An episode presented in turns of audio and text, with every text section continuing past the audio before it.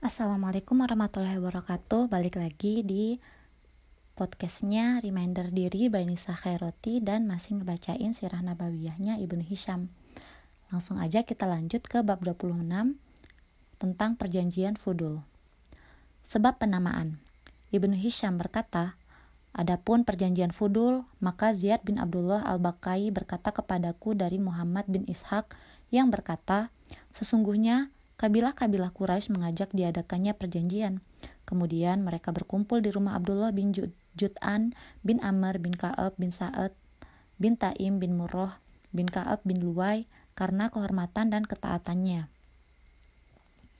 Pertemuan di rumah Abdullah bin Jud'an dihadiri Bani Hashim, Bani Muthalib, Asad bin Abdul Uzza, Zuhrah bin Kilab, dan Taim bin Murroh mereka sepakat bahwa apabila mereka melihat orang yang teraniaya di Mekah, penduduk asli Mekah, atau orang-orang yang datang ke Mekah, mereka harus berpihak kepadanya dan orang-orang yang menganiaya orang tersebut harus mengembalikan apa yang diambilnya dari orang yang dianiayanya.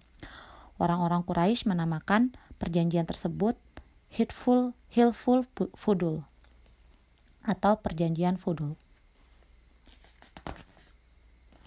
Hadis Rasulullah Shallallahu Alaihi Wasallam tentang perjanjian fudul.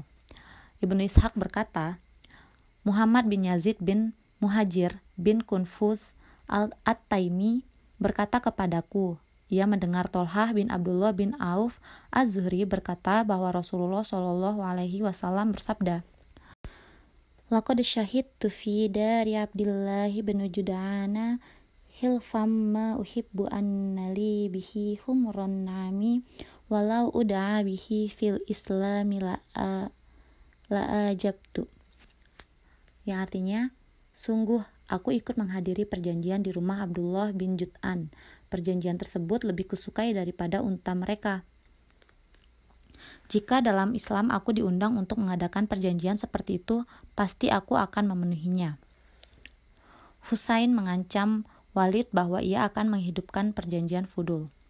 Ibnu Ishaq, Yazid bin Abdullah bin Usamah bin Al-Hadi Al-Laisi berkata kepadaku bahwa Muhammad bin Ibrahim bin Harits At-Taimi berkata kepadanya, terjadi sengketa perebutan harta di Zul Marwa antara Husain bin Ab Ali bin Abi Thalib dengan Walid bin Utbah bin Abu Sufyan yang saat itu sedang menjadi sebagai menjabat sebagai gubernur Madinah. Ia diangkat sebagai gubernur oleh pamannya, Muawiyah bin Abu Sufyan. Walid berdalih kepada Husain bahwa ia lebih berhak atas harta tersebut karena ia seorang gubernur. Husain berkata kepada Walid, Aku bersumpah dengan nama Allah, hendaknya engkau memberikan hakku atau aku mengambil pedangku, lalu aku berdiri di masjid Rasulullah Shallallahu Alaihi Wasallam. Kemudian aku mengajak diselenggarakannya perjanjian Fudul. Abdullah bin Zubair yang saat itu berada di tempat Walid berdiri setelah Husain berkata seperti itu, ia berkata, Aku juga bersumpah dengan nama Allah, jika Husain mengajakku mengadakan perjanjian fudul, niscaya aku berpihak kepadanya hingga haknya diberikan kepadanya atau kita semua binasa karenanya. Ia berkata, Aku sampaikan peristiwa ini kepada Miswar bin Mahramah bin Naufal Az-Zuhri, maka ia pun mengatakan hal yang sama. Aku juga mendengar bahwa Abdurrahman bin Utsman bin Ubaidillah At-Taimi mengatakan hal serupa. Ketika hal ini didengar Walid, ia langsung memberi Husain haknya dengan lapang, dada lapang terbuka. Pihak-pihak siapa yang keluar dari perjanjian? Ibnu Ishaq berkata, Yazin bin Abdullah bin, Usma, bin Usamah bin Hadi al-Laisi berkata kepadaku dari Muhammad bin Ibrahim bin Harz At-Taimi yang berkata bahwa Muhammad bin Jubair bin Mut'im bin Adi bin Naufal bin Abu Manaf bin Abdul Manaf orang terpandai di Quraisy datang kepada Abdul Malik bin Marwan bin Hakam setelah Abdullah bin Zubair terbunuh dan manusia berkumpul di tempat Abdul Malik bin Marwan. Ketika Muhammad bin, Jubair telah masuk, Abdullah Malik bin Marwan berkata kepada kepadanya, Hai Abu Said, bukankah kami dan kalian, Bani Abdus Syams bin Abdul Manaf, serta Bani Nawfal bin Abdul Manaf ikut perjanjian Fudul? Muhammad bin Jubair berkata, Engkau lebih tahu tentang masalah tersebut. Abdul Malik berkata, Engkau harus menjelaskan masalah ini dengan jujur, hai Abu Said. Muhammad bin Jubair berkata, Demi Allah, kami dan kalian telah keluar dari perjanjian tersebut. Abdul Malik berkata, engkau benar. Sampai di sini kisah tentang perjanjian Fudul. Hashim bin Abdul Manaf menjamu jamaah haji dan memberi minum kepada mereka. Ibnu, His, Ibnu Ishaq berkata, kemudian tugas menjamu jamaah haji dan dipegang oleh Hashim bin Abdul, Abdul Manaf. Ini karena Abdul, Man, Abdul Syam adalah seorang pengembara dan jarang sekali berdiam di Mekah. Ia miskin dan anaknya banyak. Jika musim haji datang, Abdul Syam berdiri di hadapan orang-orang Quraisy, kemudian berkata kepada mereka, "Wahai kaum Quraisy, Sesungguhnya kalian adalah tetangga-tetangga Allah dan penjaga rumahnya.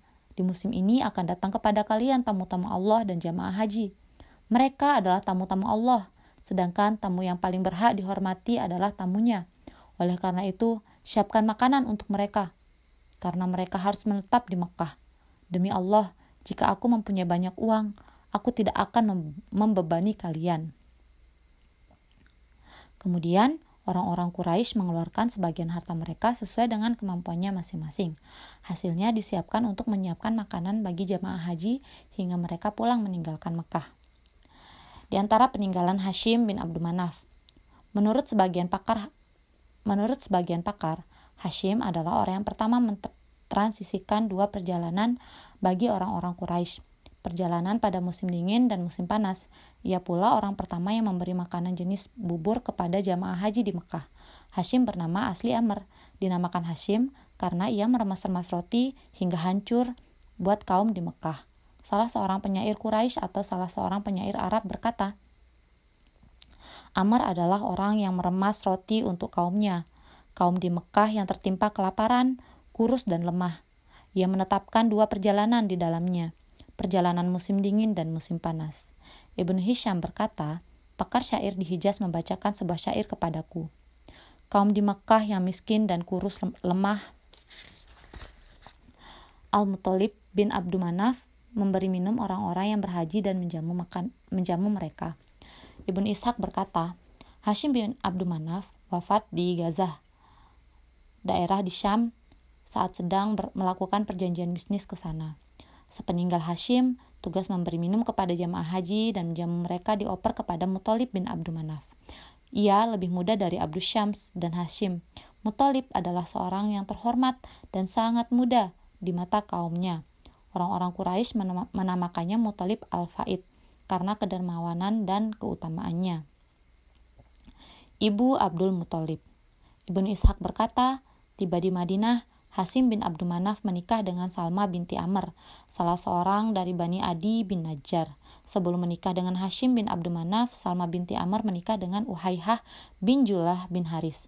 Ibnu Hisham berkata, ada yang mengatakan Haris adalah anak Jahjabi bin Kulfah bin Auf bin Amr bin Auf bin Malik bin Aus.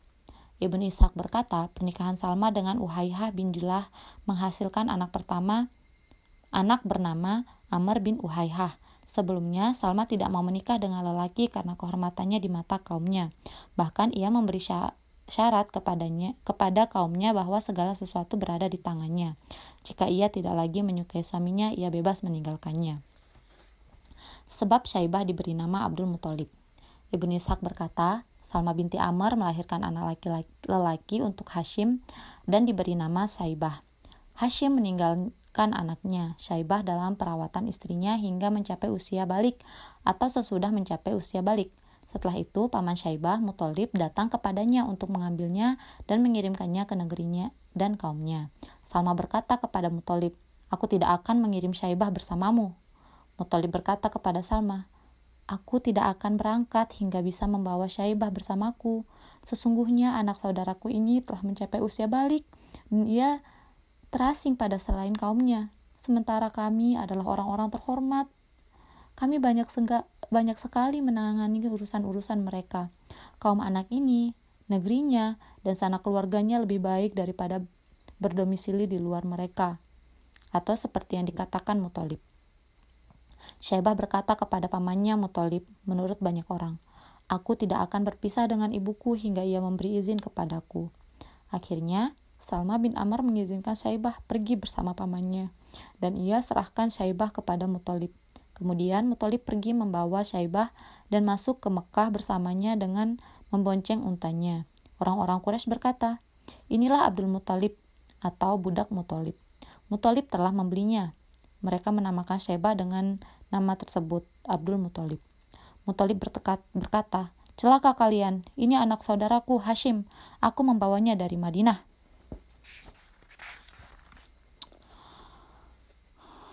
Mutalib Muthalib meninggal dunia. Ibnu Ishaq berkata, kemudian Muthalib meninggal dunia di Ratman, sebuah daerah di Syam. Salah seorang Arab berkata menangisinya. Sungguh sesudah Muthalib, orang-orang berhaji merasa kehausan. Setelah orang dermawan dan setelah air yang mengalir, duhai seandainya Quraisy sepeninggalnya bisa seperti dia. Syair elegi Matrud untuk Muthalib dan anak-anak Abdul Manaf. Ibnu Ishaq berkata, Matrud bin Ka'ab bin Matrud Matrud bin Ka'ab al-Khuzai berkata, menangisi Muthalib dan seluruh anak-anak Abdul Manaf begitu mendengar kematian Naufal bin Abdul Manaf karena Naufal adalah orang terakhir meninggal dari mereka. Duhai malam, engkau telah menggerakkan malam-malam, termasuk malam-malamku yang menyakitkan. Padahal selama ini aku tidak pernah merasa terpengaruh oleh kesedihan-kesedihan, dan aku tidak pernah berobat dari petaka kematian. Jika aku ingat saudaraku Naufal, maka itu mengingatkanku kepada hal-hal yang penting dan mengingatkanku kepada kuda merah. Empat orang, semuanya menjadi pemimpin. Mereka anak-anak pemimpin bagi para pemimpin.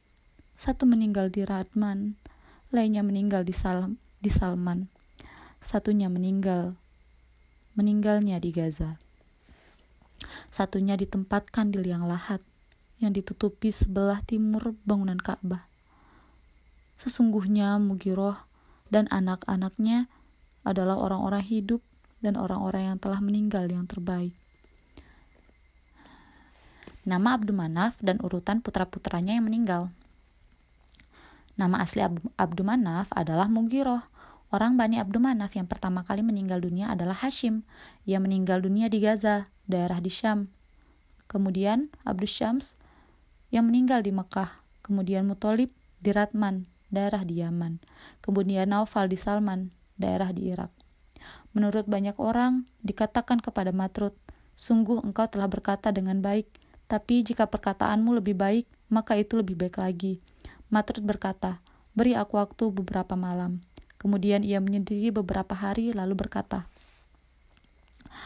Duhai mataku, bermurah hatilah. Kucurkan air mata dan tumpahkan, serta menangislah terhadap tokoh dari Kaab al-Mugiroh. Duhai mataku, perbanyaklah tangismu dan bersungguh-sungguhlah.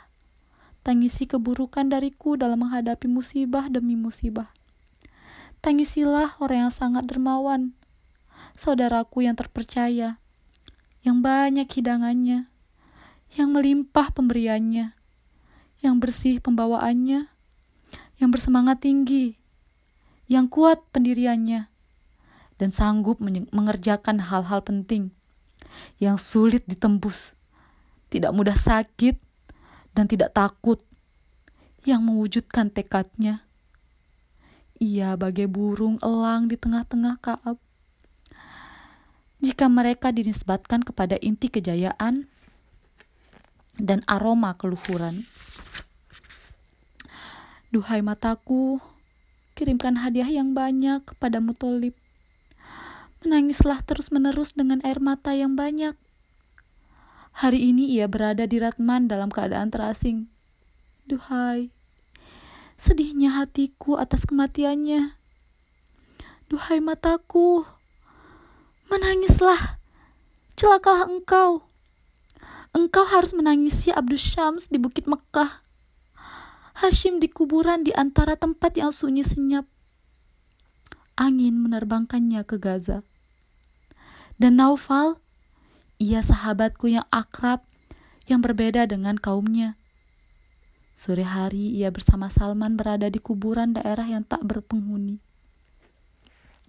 Aku tidak pernah menemui orang non-Arab dan orang Arab sekalipun yang seperti mereka. Jika unta pilihan membawa mereka, negeri-negeri menjadi sepi tanpa mereka. Padahal sebelum ini mereka adalah hiasan bagi orang-orang. Mereka dimusnahkan oleh zaman. Ataukah pedang-pedang mereka yang terlalu yang telah tumpul? Ataukah setiap orang yang hidup itu pada akhirnya harus menjadi santapan kematian? Sepeninggal mereka, aku menjadi menerima dari kaum itu. Kemuncul, kemunculan wajah mereka dan ucapan salam mereka. Duhai mataku, tangisilah Abu Sya'su asyajiyat. Mereka menangisinya karena sedih atas kematiannya seperti unta yang dibiarkan mati. Mereka menangisi orang mulia yang berjalan di atas kakinya. Mereka meratapinya dengan kucuran air mata setelah tetesan air mata. Mereka menangisi orang yang panjang depannya yang mempunyai tempat air yang memancar, yang pantang menzalimi orang lain dan dermawan dengan pemberian. Mereka menangisi Amr yang agung ketika kematian datang kepadanya, sedang ia dalam keadaan murah hati dan senyum manis kepada tamu-tamu di petang hari. Mereka menangisinya dengan merendahkan diri karena sedih. Duhai, betapa lamanya mereka dalam kesedihan dan ratapan tangis. Mereka menangisinya ketika zaman menampakkan diri kepada mereka dengan pipi yang membiru seperti unta. Mereka mengenakan ikat pinggang di pinggang mereka ketika zaman menyeret berbagai peristiwa. Aku menghabiskan malamku dengan memperhatikan bintang-bintang karena sedih. Aku menangis. Dan Sajui, anak kecilku ikut menangis bersamaku. Tidak ada pemimpin-pemimpin yang bisa disejajarkan dengan mereka. Dan orang-orang yang mereka tinggalkan juga tidak sama dengan mereka. Anak-anak mereka adalah anak-anak terbaik, dan jiwa mereka adalah jiwa terbaik dalam menggapai cita-cita. Betapa seringnya mereka menghadiahkan kuda jantan yang kencang larinya dan sigap kuda betina yang cepat larinya di kalangan kuda-kuda betina, pedang-pedang asli dari India, tombak-tombak panjang yang seperti tali sumur yang panjang, dan pelayan-pelayan yang lebih diutamakan diberikan kepada mereka. Ketika ia diminta untuk memberikan sesuatu, jika orang-orang lain ikut menghitung bersamaku hasil kerja mereka, maka aku tidak bisa menghitung semua hasil kerja mereka. Mereka adalah penunjuk jalan, dan kaum yang berbangga diri dengan nasab yang paling bersih. Mereka adalah hiasan rumah-rumah yang mereka tempati.